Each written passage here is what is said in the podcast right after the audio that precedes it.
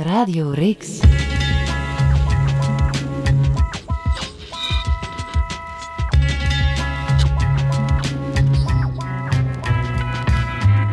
Welkom op Don Vitalski's Antwerpen in de jaren 90. Een podcast van Heb ik jou daar? Gegroet dames en heren, welkom op deze melancholische dag. Melancholisch, want dit is het tiende en dat wil dus ook zeggen de laatste aflevering van ons zeer ambitieuze programma, jullie aangeboden door Radio Rix. Wat alles goed maakt is dat we twee geweldige mensen in de studio hebben, namelijk niemand minder dan Bruno Verbergt, soort entrepreneur, mag ik jou zo noemen? Oh, dat vind ik wel leuk, ja. En dames en heren, applaus voor Leona de Thijsse. Die uh, natuurlijk alles weet van Antwerpen in de jaren 90, want jij was toen Leona burgemeester. Een stuk, hè, de tweede helft. Hè. Ja. Dus van 90 tot uh, 94 zat ik nog in Brussel. Was ik minister, uh, heb ik uh, pensioenen gehad, heb, was ik ook Vlaams minister van de werkstelling en sociale aangelegenheden noemde dat. Hmm. Dus alles wat preventie in verband met aids enzovoort te maken had, dat zat daarin.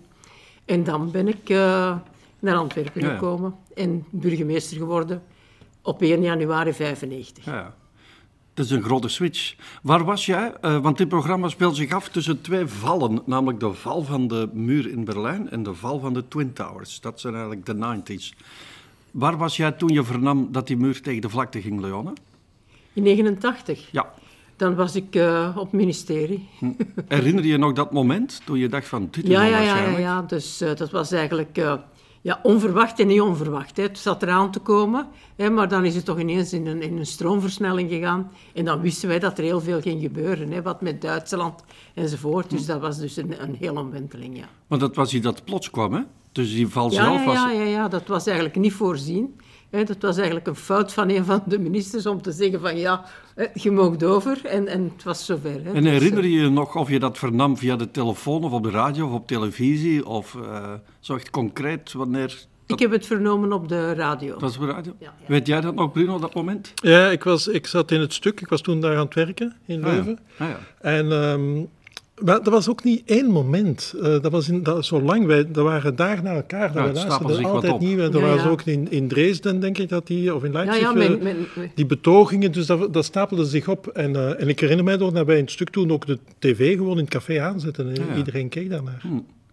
Was jij toen een gelukkige man op dat moment, Bruno? Ja, Ja. ja, maar ik ben altijd gelukkig Ja. geweest, denk ik. Is dat zo? Ja, ik sta gelukkig in het leven.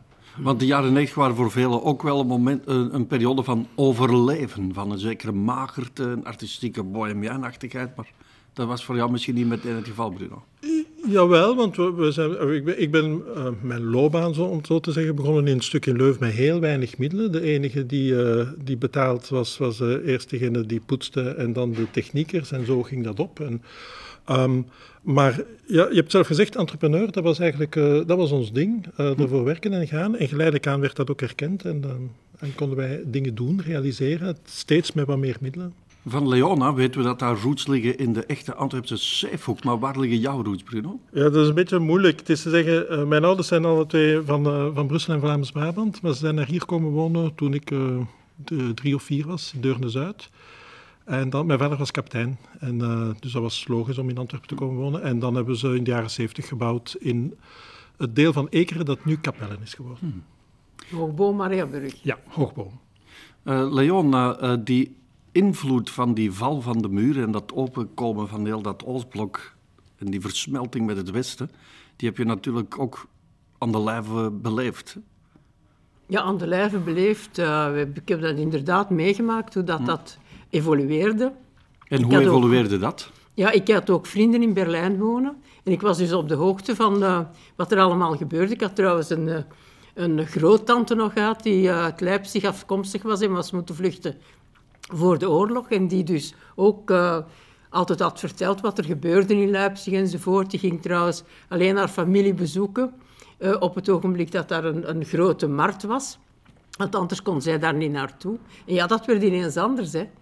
Ik had als, als student nog Berlijn aan de, zowel Oost als West gaan bezoeken. En nu was dat in één keer open. Ja, dat, ik ben ook eens in Oost-Berlijn geweest. En dat is iets dat mensen die nu, worden, die nu twintig zijn zich niet kunnen inbeelden. Die, dat beklemmende ook het moment dat je met de trein door het Oostblok reed. Ja, dat was het ook- precies of het was nog oorlog. Ja, ja en, en het feit, eh, als je dan van West, eh, in West-Berlijn logeerde, want dat hebben wij gedaan als student, en we gingen dan naar Oost-Berlijn, dan moest je inderdaad in trein, hè, werd de, de, werd men, ging men met honden onder de, Ja. de trein kijken of dat je niks verkeerd had. eh.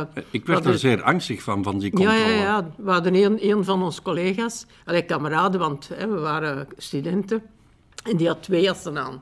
Die heeft dan moeten uitleggen waarom, want men Ah, dacht ja. dat hij zo- zo'n jas wilde verkopen. En hij had dan het excuus gevonden. Hij zegt, ja, maar mijn vader is communist. Maar dat heeft niet Hm. veel geholpen, Ah, natuurlijk. dat maakte inderdaad, maakte hem nog verdacht. Maar dat geeft die, die angstsfeer die er op Hm. dat ogenblik heerste. Hè. Maar in 89 was je toen parlementariër. In 1989 was ik eh, minister, eh, staatssecretaris van pensioenen. Nou ja.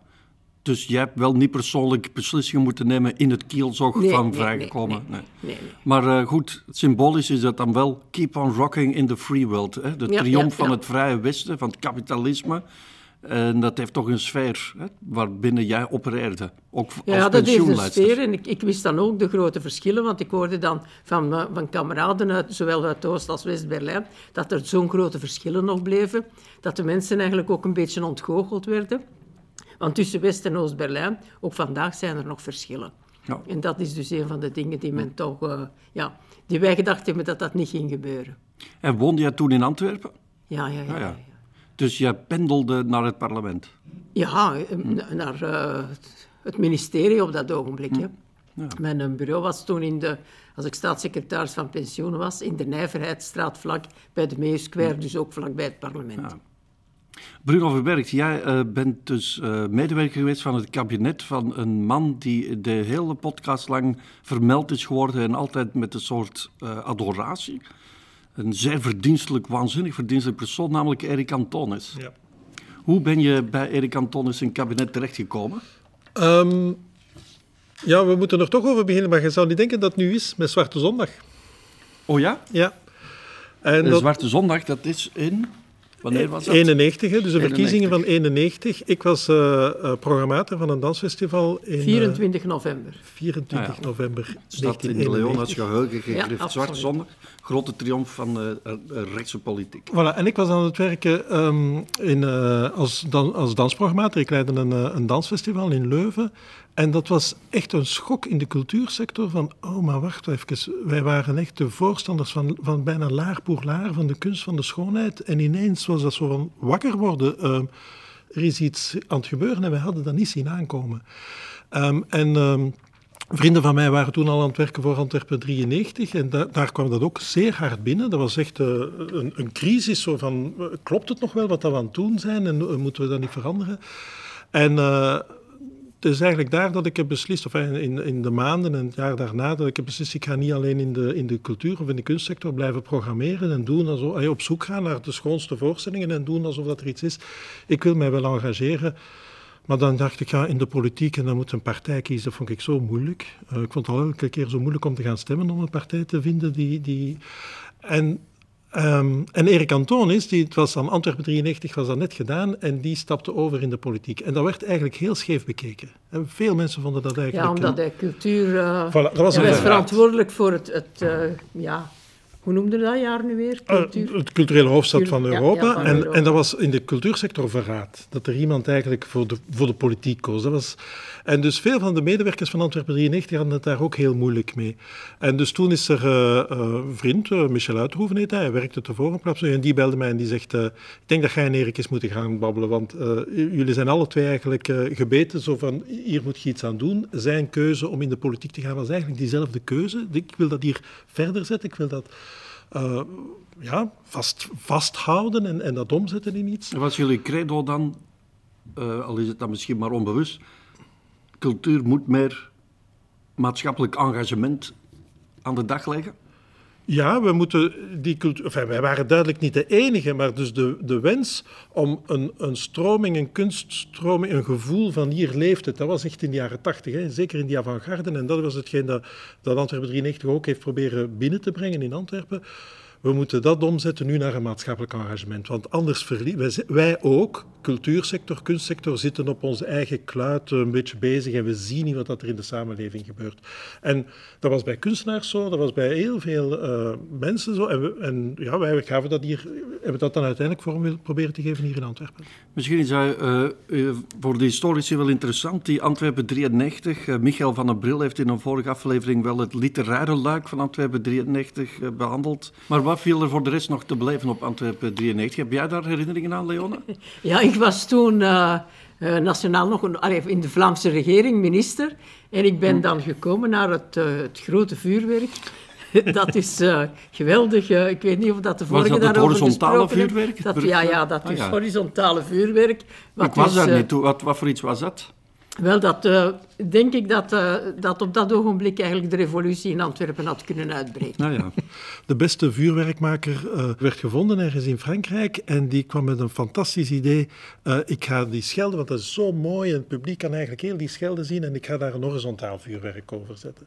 Het enige dat, die, dat niemand had beseft was dat dat een getijdenrivier is en dat dus op het moment dat het vuurwerk afging het laagwater was en ah, niemand ja. dat zag. ik, ik herinner me goed, ik was dus ja inderdaad uitgenodigd als Vlaamse minister om daar naartoe te komen. En ik stond te wachten ter hoogte van de hangaars waar de ATV gevestigd is. En uh, ik hoorde dan de commentaren van de mensen.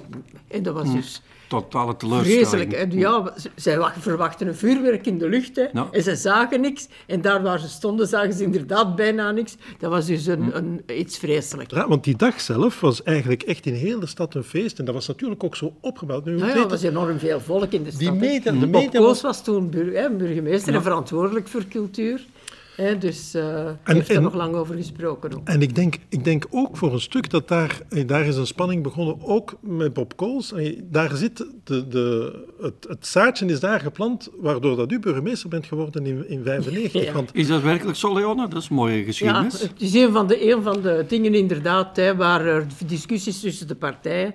Dus op het ogenblik dat ik burgemeester ben geworden... Uh, ja, was het eigenlijk het, einde van de periode waar men met twee partijen een coalitie kon vormen. Dus de coalitie waar ik uh, ingestapt ben, dat was uh, een coalitie die bestond uit VLD, uit de socialisten, de groenen, maar groenen aangevuld met Patsy Seurissen.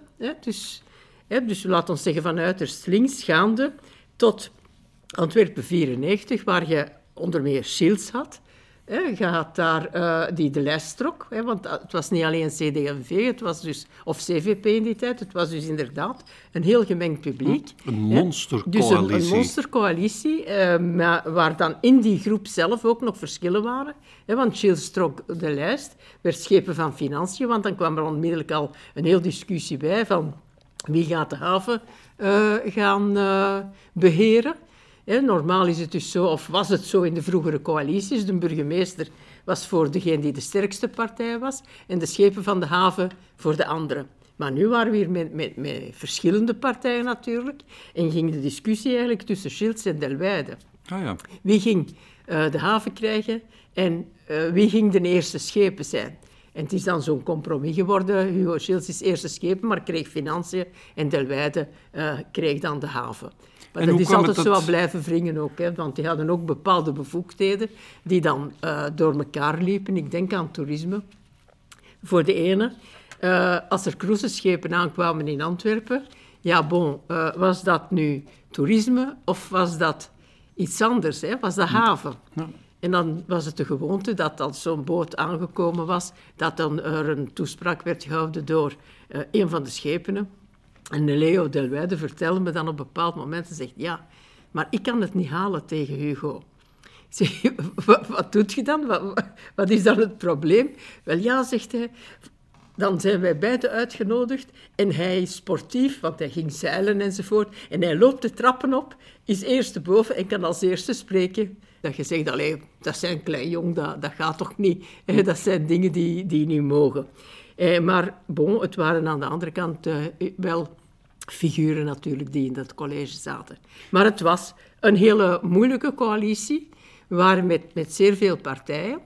En de oppositie was inderdaad dan uh, het grote Vlaams blok. eh, en dat was de, eigenlijk bijna de enige oppositie die er was. Hè. Maar hoe word je eigenlijk burgemeester? Ha, in die tijd werden door de koning benoemd. Maar hoe komt het dat plotseling alle blikken in jouw richting gingen? Want waarom was dat evident dat jij dat ging worden? Wel ja, dus, dus met de lijstvormingen is dat altijd zo natuurlijk, dat eh, op bepaalde ogenblikken, wanneer er, er, een verandering op, op til is, en ik denk dus op dat ogenblikje in 94, 95, was iedereen een beetje ook zoekende van wat is er verkeerd, wat loopt er verkeerd, wat moet er veranderen. Waren er de discussies van de periode daarvoor enzovoort.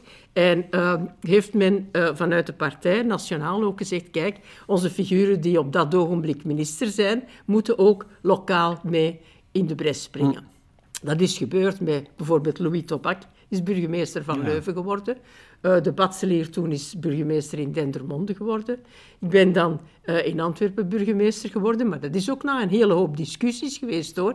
He, want uh, Bob trok de lijst, dat was dus geen probleem wat de socialisten betreft, maar wat de andere partijen betreft. Zag, Bob en u, zag, zag meneer Kools u graag komen? Dat weet ik niet. Ik denk weet niet dat, dat niet? dat zo heel... Ja zo heel uh, aangenaam was voor hem, die periode. Hm. He, dat is uh, een zeer moeilijke periode was geweest. Ook, hoe lang was hij burgemeester geweest? Meer dan... Twaalf, uh, twaalf jaar zeker. Hè. En effectief is, de, is, dat een, is het beleid en de dynastie van Bob Coles een volledig andere cultuur dan uh, die het was jaren 90 Het was kwam. een totaal andere periode. Hij is burgemeester geworden uh, op het ogenblik dat uh, er de fusie van Antwerpen er was. was de eerste burgemeester na de fusie. En uh, op dat ogenblik had Antwerpen eigenlijk de boot een beetje gemist financieel. In 1977 met de fusie werden schulden kwijtgescholden. De gemeenten die toen gefusioneerd zijn, hebben daar uh, financiële tegemoetkomingen voor gekregen. Maar doordat wij zoveel jaar achteruit waren, is dat niet gebeurd. En dat maakt dat dus uh, Antwerpen ja, een fusie maakte met gemeenten, zoals Deurne, waar toen 80.000 ja. inwoners waren enzovoort. Deurne Even groot als andere steden. en nog een aantal boven. andere dingen. Dus dat, dat maakte dat dat echt uh, uh, een heel moeilijke periode was. Men moest die stadsdiensten helemaal gaan organiseren. Er was geen geld om te investeren. Hè? En er was tegelijkertijd die, die, uh, die moeite om, om te zorgen dat men toch democratisch uh, in een uh, toch positieve hm. richting kon evolueren. Ja, want Bruno, uh, jij zat dus in Leuven in het stuk en dergelijke, dus niet echt in Antwerpen. Heb jij de popkolscultuur gekend? En uh, zou het kloppen dat die redelijk improvisatorisch was vergeleken met de realpolitiek ja, van de jaren 90? Weet je, ik denk dat het, het was effectief een breuk. Hè, en het stadsbestuur tevoren was, um, had heel weinig aandacht besteed aan uh, het nieuwe opkomende talent en de avant-garde en zo, die hier al in de jaren tachtig was. Op cultureel vlak. Op cultureel vlak, hè? Ja, ja, ja, dus ja, op, en Antwerpen 93 was zeer present in de media, in de Vlaamse media. Dus, Absoluut. En dus, er is heel veel gedaan geworden voor, uh, op het vlak van cultuur. De bourla die Ja. hernieuwd is enzovoort. Dat is allemaal maar in die ook, periode ook. ook de problemen. Dus Nog voor jou, vuurwerk, eh, dat nog vuurwerk. even toch bij stilstaan, de hernieuwing van de Boerla, was dat onder jouw beleid of De daarvoor? vernieuwing is nog de, uh, begonnen in die periode Ah, ja, van Bob. Koos, ja. Is, is, is tevoren. Interessant. Nee, nee, maar dus de, uh, en dan, is- wat er gebeurd is in dat jaar, is dat eigenlijk uh, er zo wat twee kampen zijn ontstaan en, uh, en er echt een oppositie is ontstaan tussen het team van Antwerpen 93, waar Erik van Antwoorders voor stond, en het stadsbestuur waar, waar Bob Koos voor stond. En dus alles wat dat er misliep, uh, werd gebruikt eigenlijk door Bob Koos ook om, om, om dat af te om zichzelf te profileren, wat het gewone politieke spel is eigenlijk. Hè. Daar is niks... uh, Het was, was langs de twee kanten. Hè. Dus aan de ene kant bijvoorbeeld werd eh Erik soms in het begin ver, verweten dat hij te weinig aandacht had voor de gewone, eh, gewone cultuur, hè, de volkscultuur. Dat heeft Michael van der Bril ook gezegd, Ja, maar ja. die voegde daar wel aan toe dat Erik daar voor die kritiek ook open stond en dat hij zich liet corrigeren en dat hij Ja, dus aan gewerkt heeft. Maar, in de, maar dus de, de verenigingen en de kringen voelden dat zo niet aan. nee, die, voel- die, die voelden zich een beetje achteruitgestoken. Die zeiden, wij kunnen niet meer terecht in de culturele centra. We, hebben, we Een krijgen beetje te zoals weinig... de KNS wordt van ons afgepakt. Ja, Zoiets misschien. Ja, KNS Ja. niet, maar op het, op het eh, meer het lagere vlak eigenlijk. Hè. Ja, dus echt de, de volkscultuur, de, de, de fanfares, de, de, alles wat te maken had met, met ja, het liefhebberstoneel, al die dingen enzovoort, voelde zich dikwijls een beetje achteruit gestoken. Correct, en eh, dat is Dat correct. is, eh, En dat is- en- maar dat dus dat was- was natuurlijk niet opzet van Antwerp 93, waar dat er echt de hete adem was van die nieuwe Ja, grote ja, kunstenaar dat die was- kwam en die zich wou... En dus bijvoorbeeld een ander eh, debacle, maar dat door de pers is uitgespeeld, was de, de Ark. Ja, Hè? Waar dat er dus een, een, Ja. een soort... Je moet ook weten dat er heel weinig plekken waren om dit soort van theater te brengen in Antwerpen. Dat was de dat en eh, de Monty. Dat was het Ja. ongeveer, als het, als het gaat over theater. En dus hadden ze gedacht, we gaan een soort een duwbak nemen en daar dan een, een theater. Bob van Reet heeft daar dan een ontwerp voor gemaakt. Dat was ook, ja, dat was zo net iets te ver. Dat was, veel mensen vonden dat lelijk, vonden dat eigenlijk Ja, goed. ja. En dan waren er problemen met die aannemers en dan was dat failliet gegaan. Een heel moeilijk verhaal, maar dat werd uitgesmeerd in die pers gedurende heel de jaar 93. Eh, en da- daarnaast waren er dus eh, echt mooie dingen die je kon zien. Een fantastische zomer. Hè. Dus dat is echt een zomer van Antwerpen. Eh, misschien wel de mooiste zomer van Antwerpen was er in Antwerpen 93. Dat heette toen zo nog niet. Dus Wanneer is eigenlijk de zomer van Antwerpen, de zon van Antwerpen beginnen heten? Weet je dat toevallig? Ja, dat weet ik zeer zeker. Ik heb, dat is een van de weinige dingen die ik op mijn naam kan schrijven. Dat is Ah. op een bepaald moment op het kabinet. We gaan een festival doen. We gaan Patrick de Grote vragen om dat te doen. Hoe moeten we dat noemen? Ah ja, wanneer was ik- dat? En toen zei ik, wat, noem dat Zomer van Antwerpen. Hè. Ja, is maar dat was na de jaren 90 waarschijnlijk. Nee, de, zomer- de eerste Zomer van Antwerpen was 1995. Ah, 95? Oh, wist ik niet. 95. Ah, dus dat is een van de... Ja, Schandalig dat dat dan nu pas in de tiende aflevering ter sprake komt. snel, ja, omdat snel handelen... ver- Vergeet ook die data, hè, de begindata en zo worden vergeten. Ja. En dat, dat deden wij wel. Dus in dat opzicht opnieuw ondernemerschap. Hè. De- we wisten op het kabinet van dit is nu de, de moment dat we hadden. En dat was het gevoel, denk ik, op ons kabinet. Dat was bij Mieke Vogels, die was er toen ook. Bij Patsy Seurissen dat was zoiets van now or never. En dus, en wat, quick wins was zo nodig. In 1994 was een moeilijk jaar geweest met verkiezingen enzovoort. En dan was het eh, nog in de nasleep. Dan was er eindelijk, nu moeten we, eh, eindelijk een coalitie, nu moeten we dat doen. Dus dat was echt, eh, want 1 januari begonnen, kunnen we over zes maanden al een festival hebben. En dus dat was het eerste Zomer van Antwerpen Festival, was in 1995 en 96, 97, 98 is dan twee maanden geworden. Dan hebben we de reuzen uitgenodigd en dan is het Ja. echt beginnen groeien. Eh, Leona Bruno die schetst nu een eh, shift in het culturele beleid, maar om eh, dat wat te verbreden, zou jij kunnen vertellen wat is het verschil onder jouw beleid en het beleid van Bob Coles in pakweg huisvesting? Dat is natuurlijk een eh, grote boterham die je op je bord krijgt, maar Ja, huisvesting, dat is natuurlijk een, eh, een, een, ja, een, een groot probleem. In die zin dat eh, de, heel de evolutie of, of heel de, de invloed die men had op het, eh, op het vlak van de woningbouw, ja, is niet zo groot, behalve voor de sociale woningbouw. En dan wat de ruimtelijke ordening betreft, want ja, dat was een van de, de stokpaardjes ook van Bob Koos, de ruimtelijke ordening. We hebben dan wel eh, voornamelijk een aantal zaken zien evolueren. Eh, dat is dat er tijdens, of, of in heel die periode, heel veel van de sociale woningbouw in problemen financieel ook was. nou ja, dat men ook eh, meer aan ghettovorming is beginnen doen. En daar waren dingen waar we niet altijd gevolgd werden in, in Brussel en waar men niet altijd de noden van, van de grootstad begreep ten opzichte van wat er gebeurde elders. En wat zijn jouw grootste verworvenheden op dit gebied? Verworvenheden op mijn, mijn vlak, eh, dat moet je aan de, aan de schepen van woningbouw Ja, eigenlijk maar je- toeschrijven. Hè. Ja. Maar wat wij voornamelijk gedaan hebben in die periode, is eh, de renovatie van een aantal eh, gebieden. En wat wij ook wouden of wilden eh, bereiken, maar het is nu pas dat het eigenlijk voet aan wal krijgt, is wat het zuid betreft. Nou ja, dus heel de evolutie van, van het Zuid, hoe dat, dat van een verkommerde streek eigenlijk stilletjes aan de plaats is geworden van de place to be. Hè, dat is geëvolueerd en we wilden dan ook verder gaan met Petroleum Zuid en daar al beginnen met wat er nu aan het gebeuren is.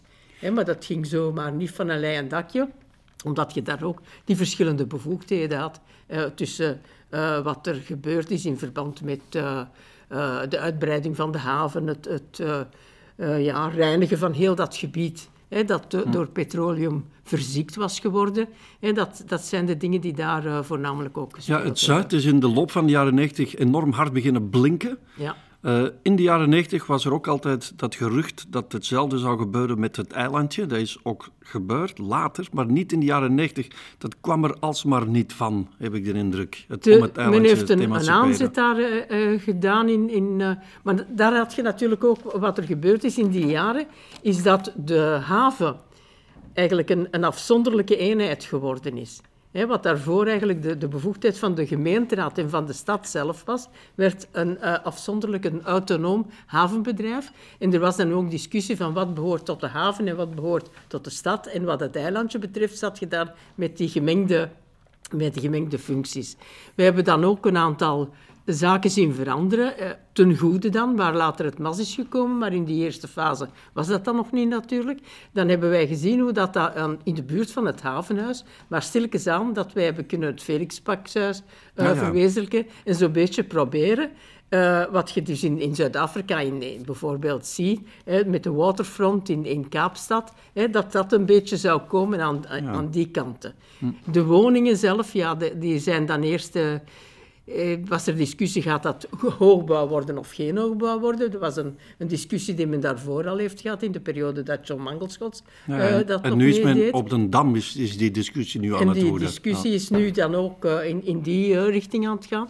Maar wat dus heel de, de verbetering of de aanpassing, daar is wel gebeurd stilletjes aan. Wat vind jij persoonlijk van hoogbouw in Antwerpen?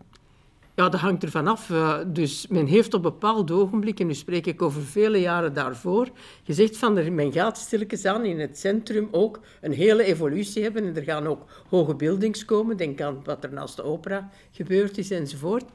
dus uh, ja, moet dat of moet dat niet? Ik denk dat dat niet zo goed is om dat hm. daar te doen in dat uh, historisch centrum. Maar op gebieden like Linkeroever en luchtbal en dergelijke vond ik niet dat dat verkeerd was. En luchtbal, dat weet je natuurlijk ook, had ook een woningnood, hè, die nog altijd het gevolg was van wat er tijdens de oorlog allemaal platgegooid is hm. geworden. Hè. Want je bent zelf uh, opgegroeid in uh. Hè? Nu, over ja. platgooien gesproken, Bruno, ben jij het ermee eens dat volgens sommige geesten het Antwerpse bestuur um, er niet slecht in is om historische, vaak historische gebouwen met de grond gelijk te maken?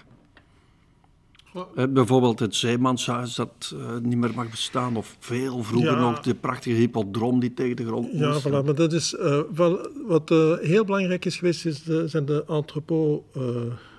ja, dat heet het toch al? aan, aan de Noorderplaats. Ja, ja, dat. ja. Dat, hm.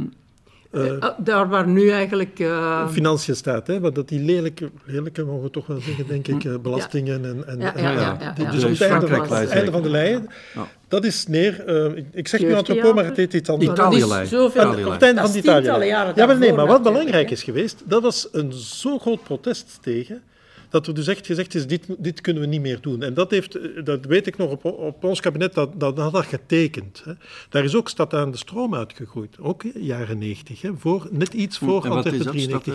Dat Geef de Schelde terug aan de bevolking. Voilà. dat, is de bedoeling. En er is men dus al tientallen jaren mee bezig, maar nu is het er stilletjes aan aan het geraken. Want ik, hey, dus ik denk dat je een beetje... Dat is, uh, dat je misschien een beetje te bescheiden bent. Stadsontwikkeling is echt lange termijn. En het is de moed van een bepaald bestuur om iets te zeggen dat eigenlijk pas zoveel later als de, de, wat er nu geoogst wordt, is eigenlijk van de periode van, uh, van Patrick Janssens. En wat dat Patrick Janssens heeft kunnen oogsten, is van de, van de periode daarvoor. En, en in stadsontwikkeling stenen, dat duurt gewoon heel lang. Hm. Maar dus dat is heel erg veranderd in, uh, in, onder, onder uw bestuur. Hè. Dat is toch heel uh, heel veel zaken. En Stad aan de Stroom had ook uit. Er waren een aantal ja, uh, zelfstandigen, architecten, mensen die samen waren gekomen. En die hadden. Uh, Sola Morales was daarvoor aangetrokken, een plan getekend. En, dat, dat is eigenlijk helemaal de, de grondlijn van wat dat er nu is: het Zuid, de Scheldekaaien en het eilandje. Dat zat daar allemaal in. Ja, dat was heel de band die daar. Hm. En dat is, dat is gebeurd. En dan, um, het, wat, wat u niet hebt vermeld, is natuurlijk dat er tegelijkertijd in de jaren 90 ook heel veel aandacht was voor verbetering van vooral 2060. Ja. En dat kwam... Het Noord. Het Noord. En dat kwam omdat er Vlaams geld was. En dat Vlaams geld is er eigenlijk ook gekomen. Ik denk dat we dat na twintig jaar mogen zeggen omdat er gezegd werd, oei, hier, daar in Antwerpen en Vlaams Belang en we kunnen niet, enfin Vlaams Blok toen nog, we kunnen niet. Dus er is toen eigenlijk, stadsontwikkeling is er toen gekomen, is er veel geld gekomen en dat was het Sociaal Impulsfonds. We hebben daar inderdaad, uh, wat 2060 betreft, ge geweldig veel kunnen doen. Ook met medewerking van de mensen die daar woonden. Het was, uh, ja, je kent de buurt daar. Uh, ja, ik woonde dus, zelf. ja, je kent het dus heel goed. Mm. dus bijvoorbeeld de heraanleg van het Sint-Jansplein op bepaalde ah, ja, dat is ongelooflijk, hè? Ja. dat was de dus... komst van bibliotheek per meek, was dat ook jaren 90? Ja, ja, dat is ook allemaal in die periode. Beslist, hè? Ja, ik, ik, herinner me nog dat ik, ik herinner me nog dat ik toen heel sceptisch was. Want ik dacht, ja, in de nieuwstraat is die bibliotheek toch mooi. Maar inderdaad, ik moest mijn ongelijk erkennen. Dus, uh... Maar dus, dus de, bijvoorbeeld de, de aanleg van Sint-Jansplein was met deze middelen ook, maar ook met, met steun van de gouverneur daarbij. Ja. omdat dus eh, de marktkramers die kwamen naar mij, die zeiden, kijk, een keer die openbare toiletten daar, komt er nu echt eens zien hoe dat, dat daar zit. Ik ging wel naar de markt, maar ik ging daar zeker niet naar die toiletten gaan. Wel, dat lag helemaal vol, dat was dus een trappetje af dat je moest gaan. Dat lag helemaal vol met oude voiturkes, uh, buggies, al wat dat je maar kunt verdenken. En uh, wij hebben dan gezegd, oké, dat wordt toegegooid, dat gaat helemaal hier aangelegd worden. En dat is dan onder meer gebeurd uh, met steun onder meer van, van de verschillende organisaties. Hè, want het grootstedelijk beleid, grootstedelijk uh, dat was dus heel belangrijk voor die wijk. En we hebben daar ook pogingen gedaan om, uh, wat we nadien ook aan het Schipperskwartier hebben gedaan, om de prostitutie in bepaalde banen te leiden. Want dus in die, in die periode was het dus zo dat men bijna niet kon komen in de Van Wezenbeekstraat en de straten daarachter, zonder dat daar geschoten werd of dat daar problemen waren met ja. de, de maffia. Het ja, dus de periode op... van de Georgische maffia enzovoort. Daar trek je een groot uh, blik op. Hè? Dus uh, dat zullen we zo ook verder bekijken. Eerst even nog wat muziek uit de jaren 90.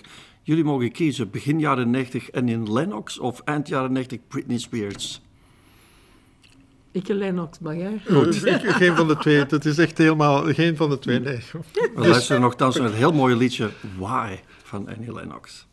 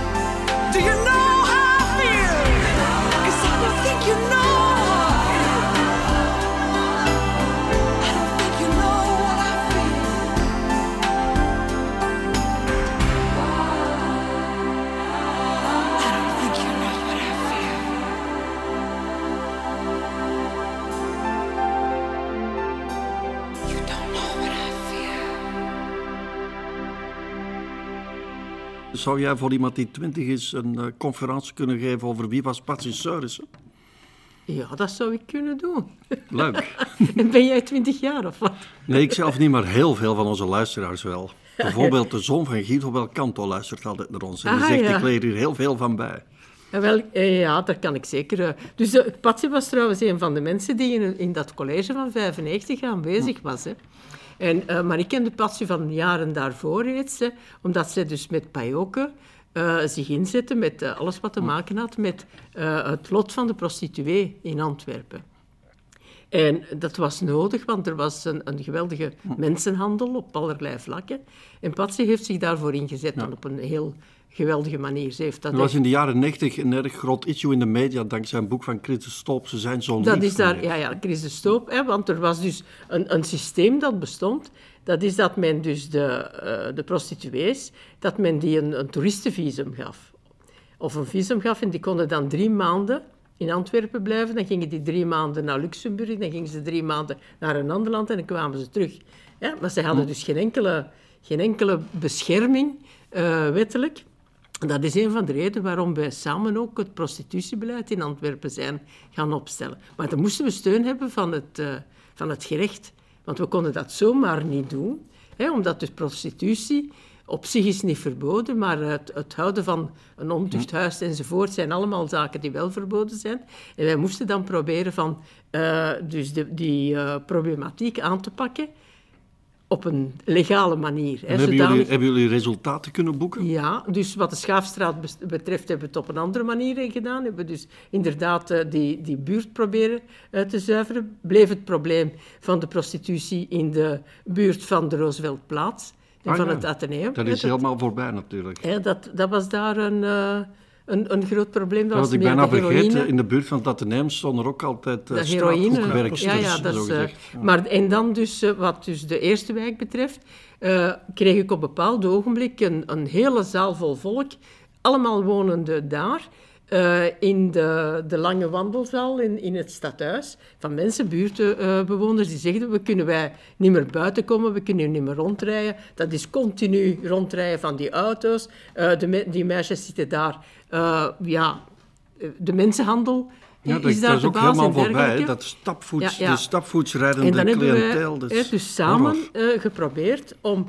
eh, een, dingen, om een, een ja, echt prostitutiebeleid eh, in te voeren, met steun trouwens van een, een medewerkster. Wij hebben dan iemand kunnen aanwerven uit, uit Nederland, die mee de prostitutieproblemen daar volgde. En wij zijn dan gekomen tot het beperken van die prostitutie in een aantal straten. Gecontroleerd ook, zodanig dat de huizen die opengehouden worden, dat die moesten zuiver gehouden worden, dat ze daar hygiënische maatregelen hadden en al wat dat gewild. En dat ze niet meer die, die prijzen konden vragen, die schandalige prijzen waar dus één vitrine eh, werd verhuurd om, aan terribele eh, sommen, Dat zodanig is dan wel dat... frustrerend dat nu vandaag de dag de Tinderboy en de Loverboy terug zo, eh, zo'n Ja. gigantisch fenomeen is. Dat is inderdaad zo.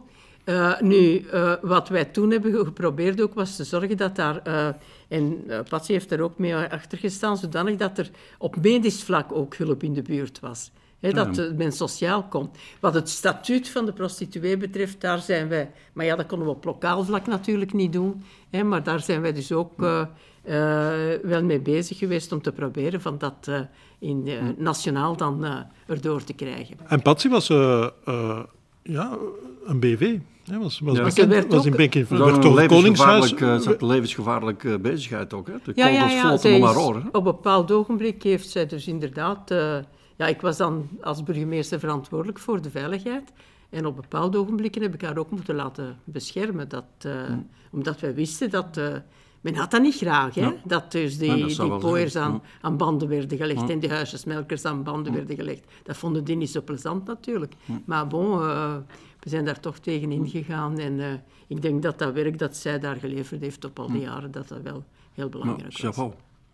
Eh, Bruno Verbergt, iets helemaal anders. Eh, kan jij eens voor ons schetsen, hoe zag een dag uit jouw leven eruit toen je voor Antonis werkte?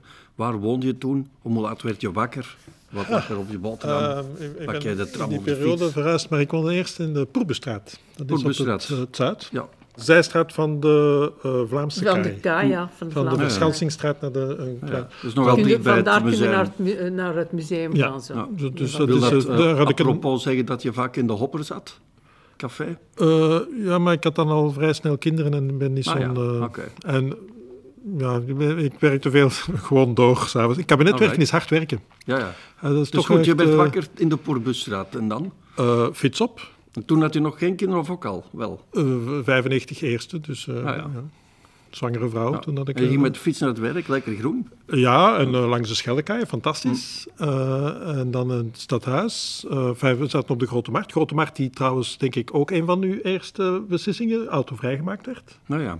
Denk dat Ja, dat was ook een heel grote... Er hebben geweldige discussies gehad. Ja, met, eh, eh, die Raffantine met van het blues, Rhythm and Blues Café, die was er heel Ja. boos om. Hè? Oh, ja, ja, ja, maar, en niet alleen dat, maar... Eh, Kit dus, van bedoel ik. het heeft lang geduurd voordat men dat eigenlijk aanvaard heeft. Hè. Er waren geweldige, geweldige discussies eh, tussen de, meestal de mensen van VLD en Mieke Vogels in die commissie. Hè. Dat, was, dat was enorm. Dat was enorm. Nee, maar dat dat- was wat nu zo evident is, Ja, ja.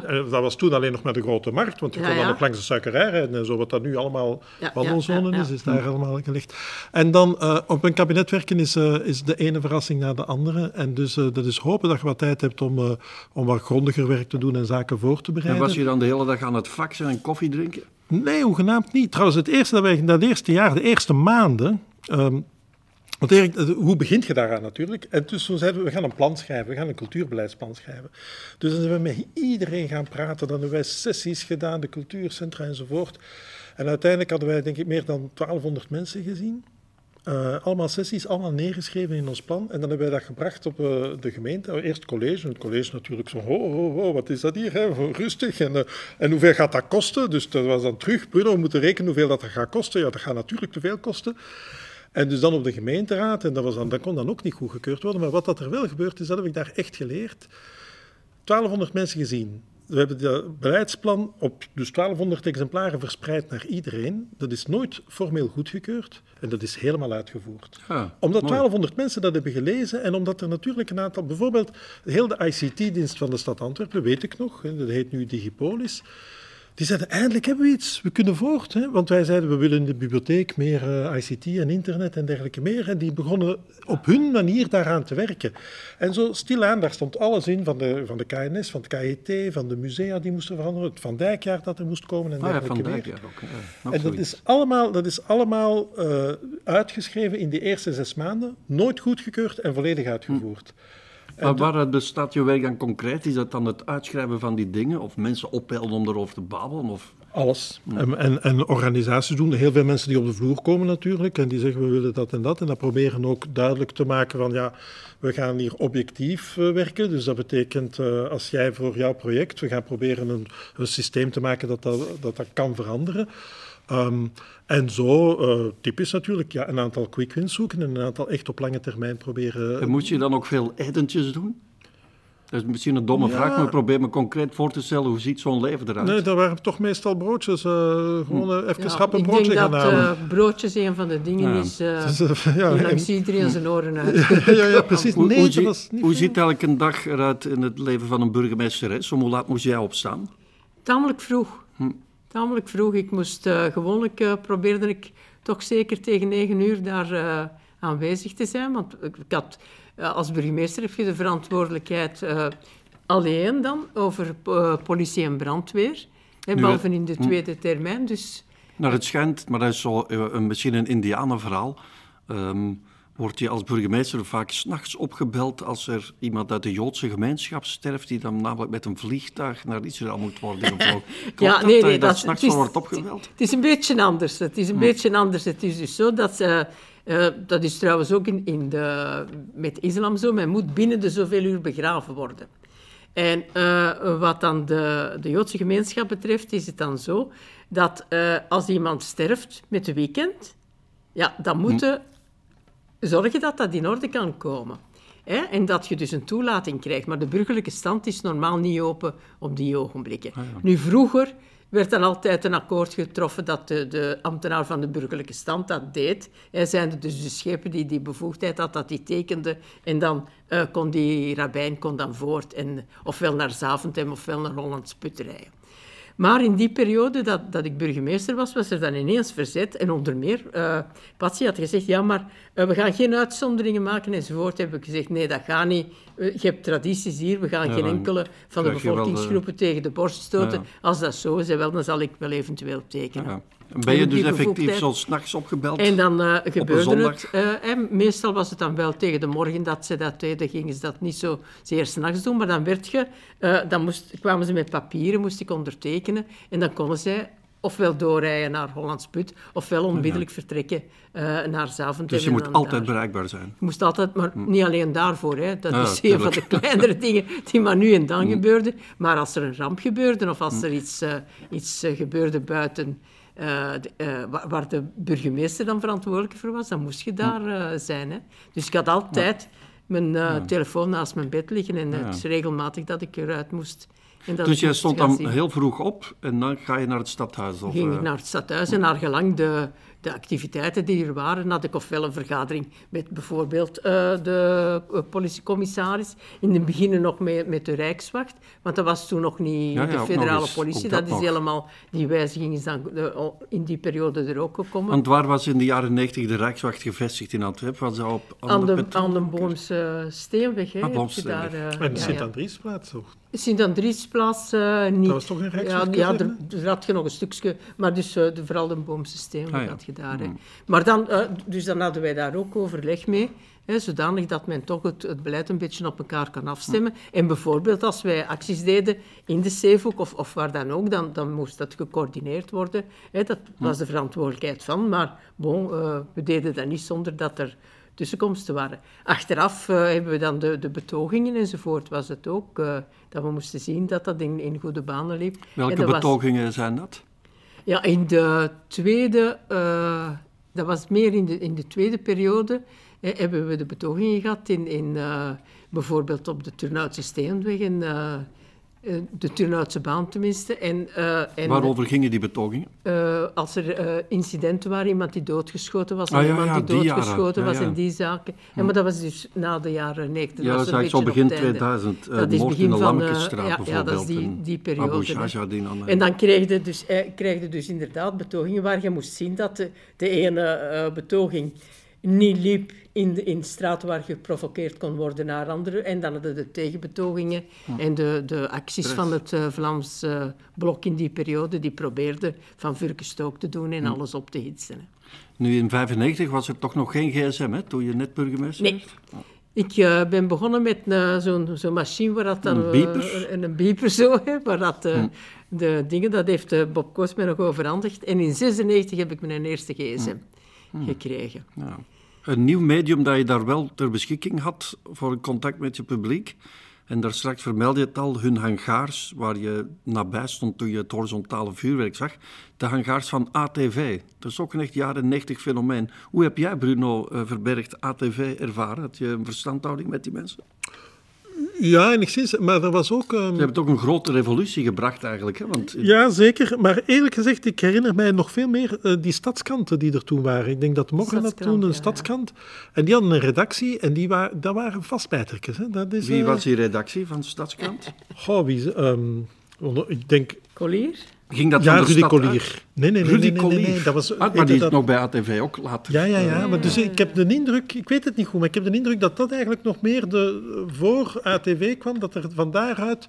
En dus die, was er bij de morgen dat er een bijlage was, maar elke dag eh, dus een lokale Antwerpse eh, eh, bijlage bij de morgen. Dan had KTV, zone 03, maar die waren Ja. iets minder, die waren iets meer informatief. Ehm, maar die, die stadsredacties, dat was, eh, die ja. belden echt de kabinetten op en, en, en die visten dus naar informatie. elke, en naar, ja, ja, eh, elke Ja. week na het college was er trouwens een persconferentie. Hè, waar dus eh, gevraagd werd aan de schepen als er iets speciaals beslist was, van kom dat zelf uitleggen. Want allee, ik, ik vond dat dat moest, als, als Erik iets eh, verwezenlijkte of iets voorstelde, dat hij dat zelf bracht. Hè, en dat ik dat niet moest brengen, en dat deed ik dan. En eh, die persconferenties die waren dan wel inderdaad eh, belangrijk, want er zijn nog journalisten die me komen zeggen van ja, dat was een van mijn eerste eh, periodes dat ik werkte en die dat nog heel goed weten. Hè.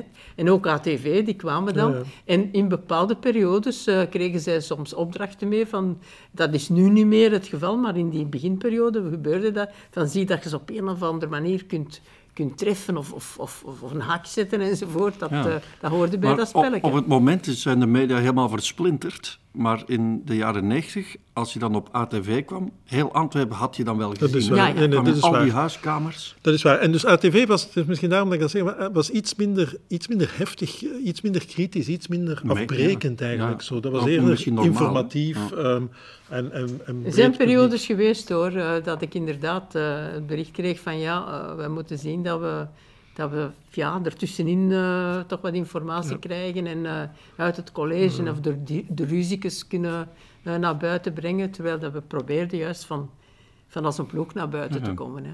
Dat is niet altijd simpel. Eh, Bruno, jij vernoemde daar straks ook het Van Dijkjaar. Dat was 1999. was Ehm, alom aanwezig. Ja, enfin, daar, ik, want ik heb op- tot het kabinet gewerkt tot 98 en dan hebben we, eh, dat heette toen eh, Antwerpen Open opgericht. En dan is de Zomer van Antwerpen en het Van Dijkjaar en dan nog het modejaar eigenlijk eh, eh, in 2001, dus net op het einde van jouw periode. Ehm, en dat was ehm, eigenlijk te, geprobeerd te verankeren wat Antwerpen 93 had betekend. En dat was een, vanuit de stad een coördinerende rol met geld opnieuw van heel van Vlaanderen. Dat Van Dijkjaar is eigenlijk grotendeels door, eh, door, eh, met Vlaamse middelen kunnen betaald worden. En samenwerken met, eh, met veel andere partijen. Dat was ook heel nieuw. Hè. Dat, was het, eh, dat is ja, Antwerpen 93, Koninklijk Museum, dat is van Vlaanderen, maar dat doet er niet toe voor een Entrepenaar of dat dat van Vlaanderen Maar er is een periode dat het en van Antwerpen en van Ja. Vlaanderen was. Hè. Ja, dat was een van de discussies waarom dat het niet gerenoveerd werd. Hè. Precies.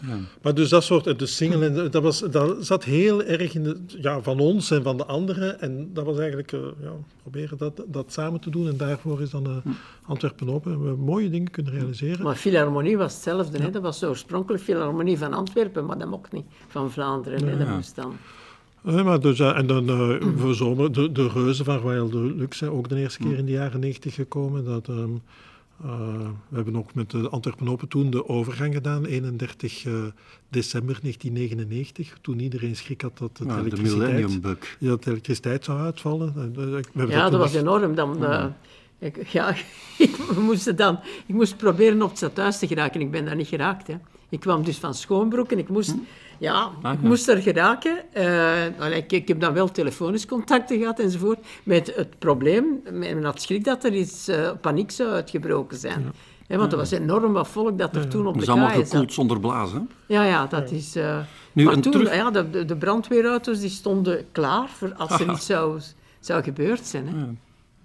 Wat wel duidt op een apocalyptische sfeer die op eind jaren 90 Ja, ja, de stad in zijn greep had. Men dacht dat er van alles ging gebeuren. En hè. daarom Ja. waren er ook zoveel feestjes, denk ik. Ja, ja, ja, ja, ja, dat was Maar ja, jullie hebben de hele tijd gewerkt, maar wij hebben Nou, heel veel jullie hebben, we hebben het mogelijk gemaakt dat jullie konden feesten, denk Ja, ik dan ja. soms. Wat betreft dat mogelijk maken, dat is een terugkerend refrein in iedere aflevering bij al die ondernemers, die muzikanten, die acteurs die dingen zelf opzetten. Dat in de jaren 90 Antwerpen veel minder gebukt ging onder eh regelneverij. Ja, nou, dat is, dat, ko- Niet dat alleen is iets dat Antwerpen, toeneemt hè, nu. Oh, dat is afschuwelijk. Niet alleen- Natuurlijk, je wil niet dat je dancing afbrandt. En dat je, hè, dus dat wil je natuurlijk voorkomen. Maar aan de andere kant wil je toch ook niet op je podium twee brandweerlieden permanent. Ja, maar dat, dat was daarvoor toch ook al hoor. Want ik, ik zeg, ik, ik was schepen van cultuur tussen 77 en 82.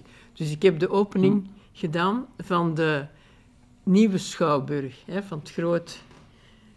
Ik ben er niet mee begonnen, maar ik heb wel de opening gedaan. Hè, zoals dat, eh, en dat was dus een, heel probleem. Hè. Dan zijn er eh, incidenten geweest, want dan heeft men als toneelvoorstelling Tijl gebracht. En dus een van de problemen daar was dan dat Tijl Uilenspiegel op een bepaald ogenblik in heel de discussie of in heel het toneel zijn achterste laat zien naar het publiek ja. toe. En dan is heel de, de katholieke gemeenschap op Jos Posson na zijn buiten gegaan, Ah, ja. hè, uit protest. En dan, Dat is eh, ook zoiets in Antwerpen altijd terugkomt. De ruzie over naakt op het toneel. ja, dat was dus, eh allee, dat was dus enorm. Ze zijn dan, eh, ja, dus die gingen allemaal buiten, behalve Jos Posson. En eh, dan heeft men een hele periode gehad dat men probeerde van de teksten die moesten gebracht worden in, op het toneel te zuiveren. Dus, eh, Amai, een dat- cens- echte censuurcommissie. ja, ja, ja, dat was dus, eh, dus in een bepaald ogenblik werd het, het stuk Jozef en Maria gebracht. En Jos Poisson had gezegd dat er toch het een en ander moest veranderen, maar het was eigenlijk een, een stuk dat, dat een, eigenlijk verboden was in het Oostblok en dat hier de- dan wel eh, zou zijn. Dus we hebben dan toch moeten zeggen van dat gaat niet, eh, daar komt je niet tussen. Dat is de, de, de vrijheid van de directeur die daar eh, moet optreden. En in de, co- de coalitie nadien, of het college nadien, in 82, stond onder meer in dat men dat niet mocht doen. Hè. Dat de, vrij- die vrijheid moest gewaarborgd worden.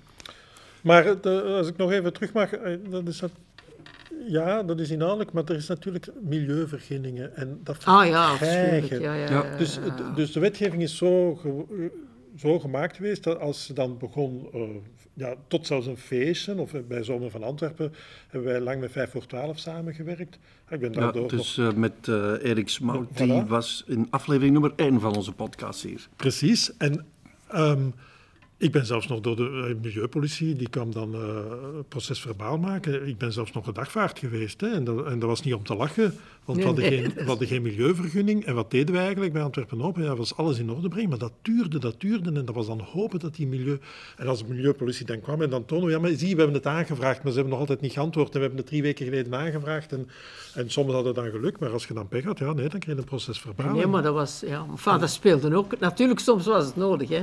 Denk aan de Zillion, daar is de milieupolitie ook verschillende keren moeten optreden, Ja. omdat men vuurwerk onder het eh, podium ging stockeren. Ja, dat zijn dingen natuurlijk... Ja, eh, hoewel ik zelf, maar op, van op afstand soms de indruk had dat men stokken zocht om die hond te slaan. Precies van die zullen, dat mag niet gewoon, per definitie. Terwijl ik zoiets had van, ja... Ja, Ja, heeft heel- dat toch ook een Europees, een internationaal cachet, zo'n mooie creatieve discotheek. Er is discussie geweest ook in de beginperiode van laten we het toe of laten we het niet toe. Hm. Omdat er bij die discussie we gingen ook, eh, ging men er ook vanuit van kijk, nu gaan de jongeren naar de carrière, ze rijden mee in hun auto, Ah ja, ze, ze- hebben daar stuur. accidenten enzovoort. Dat is een van de redenen geweest waarom men oorspronkelijk heeft gezegd, kom, laat ons het toelaten, dan is men toch dicht bij huis. Maar dat was dan geweldige protest ook van de buurt. En dan op een bepaald ogenblik, men reclameerde dat er te veel auto's kwamen parkeren. Eh, dan hadden wij een, een akkoord met de haven van laat ze dan parkeren Ja, op- er werd constant kaaien. geïmproviseerd voor alternatieve dat, parkings. Ja, dan was dat weer een schande, want eh, dan hadden wij dat gedaan speciaal voor en, en dergelijke. Dat was dus iedere keer, iedere keer discussies. Dat is eh, inderdaad een, een, een zeer speciaal dossier. En wat er ook is in de stad natuurlijk, na verloop van tijd, raakt die stad wel wat volgebouwd. En dat heb ik heel goed kunnen zien met de Zomer van Antwerpen. Op de, we konden van alles doen op de Scheldekaaien vlakbij de stad. En dan ging dat daar eh, aan de ATV-algaars, een beetje verder. Dat is nu al weg. Dat was Ze nog open nu space, al aan, Ja. aan het Noordkasteel. De voorstad Ja. groeit, zoals Louis Paul Bon al wel eens zei. Ja, maar dus dat maakte ook dat het ehm, ja, minder, vrije minder vrije ruimte vies is. Maar dus dat, dat, beperkte ook al de rest. Want dat betekende dat je, als je zaken in de stad wou doen, je toch weer meer rekening moest houden met, met de buurt en dus meer Ja, ja, toelatingen. En- tuurlijk. Goed, eh, nog eh, drie kleine vraagjes en dan moeten we afsluiten, want de lichten gaan hier al uit. Zo lang blijven wij babbelen, dames en heren. Sprekende over de jaren 90, een kort vraag, want het is in die tien afleveringen nog nooit te sprake gekomen. Dat kan eigenlijk niet. Eh, Leona heeft Antwerpen ook iets gedaan voor oorlogvoerend Joegoslavië. Hebben we daar ergens hulppakketten verzonnen? of- Ja. Wij hebben eh, op Linkeroever een centrum gehad waar de mensen die eh, vluchtelingen waren, zijn daar opgevangen.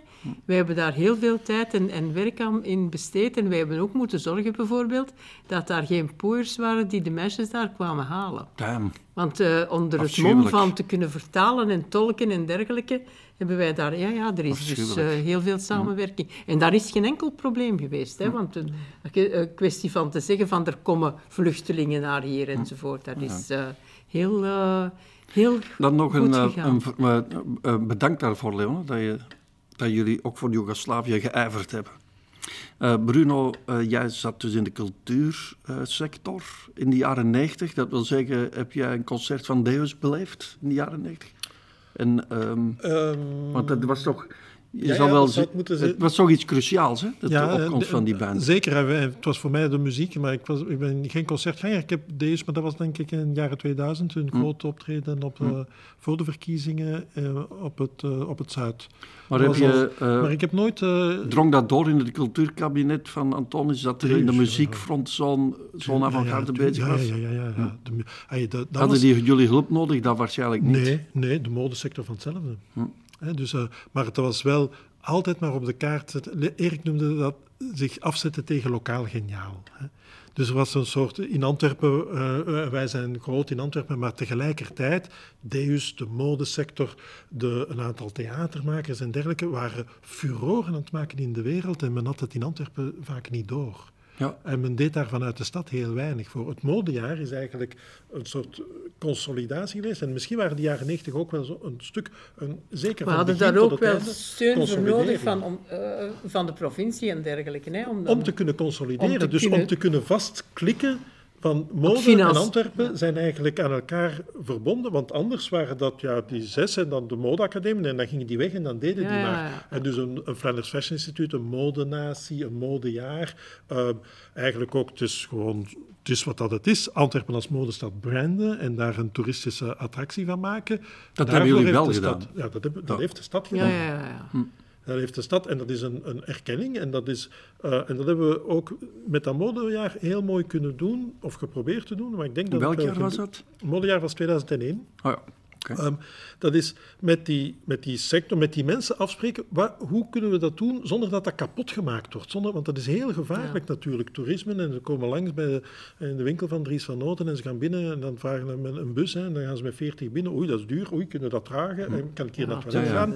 Dat is niet wat dat, eh, wat dat, en de, wat dat Dries van Noten wou. En, en de anderen ook niet. En dan hadden we echt een hele goede dienst toerisme die daarover ging praten. En hoe moeten we dat doen? Hoe kunnen we wandelingen doen? Dat dat eigenlijk toch op een juiste manier. En heel Mode 2001 was zo'n eventjaar. Walter van Beirendonk was daar toen eigenlijk de, de artistiek directeur, curator van.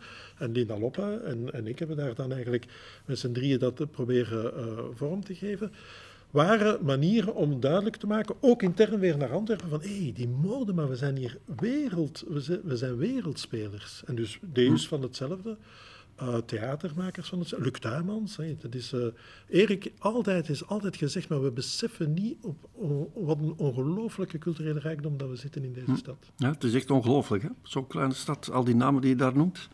Ten slotte gaan we naar buiten. Eh, dames en heren, ik wil jullie eerst eh, bedanken. Ook bijvoorbeeld Stef Camille Carles, die eh, me gisteren gemaild heeft dat hij alle negen afleveringen, en dan nu zeker ook de tiende, beluisterd heeft. Ongelooflijk, al die feedback die we krijgen. We hebben dit heel erg graag gedaan. Ik ben zelf een dramaticus, dus we eindigen tragisch toch weer met die val van de Twin Towers die dat hele decennium begraven heeft. Waar was jij, Leona, toen je die Twin Towers tegen de vlakte zag gaan? En hoe verschilt de wereld voor en na dat gebeurde? Wel, ik was in het salonnetje op het stadhuis, op het Schoon Verdiep, was er een bureau dat vroeger jaren het bureau was van de schepen van de haven, maar door de conflicten tussen Delwijde en eh Shields om die een bureau te krijgen, hebben we daar een salon van gemaakt. En ik zat daar te vergaderen met Cathy Lindekes op een bepaald ogenblik. En, eh, Waarover, ja, weet je dat nog? Dat weet ik Nee, niet meer. Maar ik weet wel dat toen... Want er stond ook een, een, een, eh, een televisieapparaat dat met iemand binnenvloog. En dat weet ik niet meer juist wie, maar die gezegd, we moeten direct de televisie opzetten. Wat gebeurde? En dan ja, dan inderdaad zag je dat, eh, dat spektakel gebeuren. Dat was inderdaad... eh, En de wereld was daarna anders. de wereld was inderdaad anders. De wereld En was Antwerpen anders. dus ook. Antwerpen ook. Er zijn veel, ja, vanaf 2001 zijn er inderdaad, eh, was het voor mij ook bitterder. Ik weet niet eh, waarom, maar ik had het gevoel dat ook, eh, het was misschien ook omdat er een andere coalitie was in eh 2000, 2005. Dus dat was, waren andere verhoudingen en dat was niet zo'n aangename periode. Waar was eh, jij toen, Bruno Verberg, tenslotte? Op eh, de kantoren van Antwerpen Open, die waren toen op de Wapper, wat in het, wat het Koninklijk Paleis is, dat nu helemaal commerciële zin gericht. En we hadden ehm, enkele uren later een raad van bestuur. Dus ik was die raad van bestuur aan het voorbereiden en Patrick kwam naar boven en zei hetzelfde, van ja, er is een, er is een vliegtuig in de toren. En we dachten, "Huh, wat is dat? En een ongeval enzovoort. En dan twintig minuten of een uur later, ik weet het al niet meer, kwam terug een tweede vliegtuig. En dan hebben we nog een hele onwezenlijke raad van bestuur. Dan iedereen kwam dan... Ja, niemand- U, ja. u was daarbij misschien wel. Ja, Want u dat zat weet ik toen in de, Ja, in de raad van bestuur, of u kon dan niet komen. En, maar, Ik zal waarschijnlijk niet... Allee, ik was toen helemaal kwijt dat dat was... eh, en dan... ehm, Het was ook precies over ging een derde wereldoorlog. ja, dat was... ja, ja. Dat was, dan, dat eh, was een onwezenlijk. We hebben dat rap afgehaspeld. Ik weet zelfs niet of dat we het in het verslag hebben gezet. We hadden het eigenlijk in het verslag moeten zetten van ja, dit kon geen raad van bestuur zijn, want dit Ja. heeft Ik plaatsgevonden. heb de- trouwens een, een tijdje nadien, een aantal weken nadien, heb ik trouwens iemand ontvangen die dan uit New York kwam, die eh, diplomaat, die dan met, met foto's afkwam, want die woonde vlak over, of eh, in de buurt van die... En die zegt, ja, kijk, eh, ik ben gaan verhuizen, want tussen mijn meubelen zaten stukken mens. Ik ben, Jezus. gaan, ik ben weg, ik ben daar weggegaan. En die kon, allee, dat was dus, ik krijg nog kippenvlees als ik eraan denk, als hij die foto's liet, eh, liet zien. Kijk, dames en heren, ik wilde dramatisch eindigen en dan werd ik toch wel op mijn wenken bediend. Nogmaals bedankt voor het luisteren. Super bedankt voor jullie aanwezigheid. Leona de Thijsse, Bruno Verbergt. Dankjewel Cinema Rix, Cultureel Centrum Deurne. Tot volgende keer wanneer we misschien een, eh, een reeks maken over Aarselaar in de jaren 70. Gelukkig blijven we nu nog even in Antwerpen. Meer specifiek gaan we luisteren naar wat er uit de dictafoon komt van een zekere kerel genaamd Alan de Feiter. Want die was met zijn dictafoon in 1994 in de Pacific op Antwerpen-Zuid. En toen was er net een zeer pril optreden van Deus. Cadeautjes, bieren, baak en ballen. Gilde Barger op drums. En uh, Klaas, Jan Sols op viool. Volgende nummer zet in solo.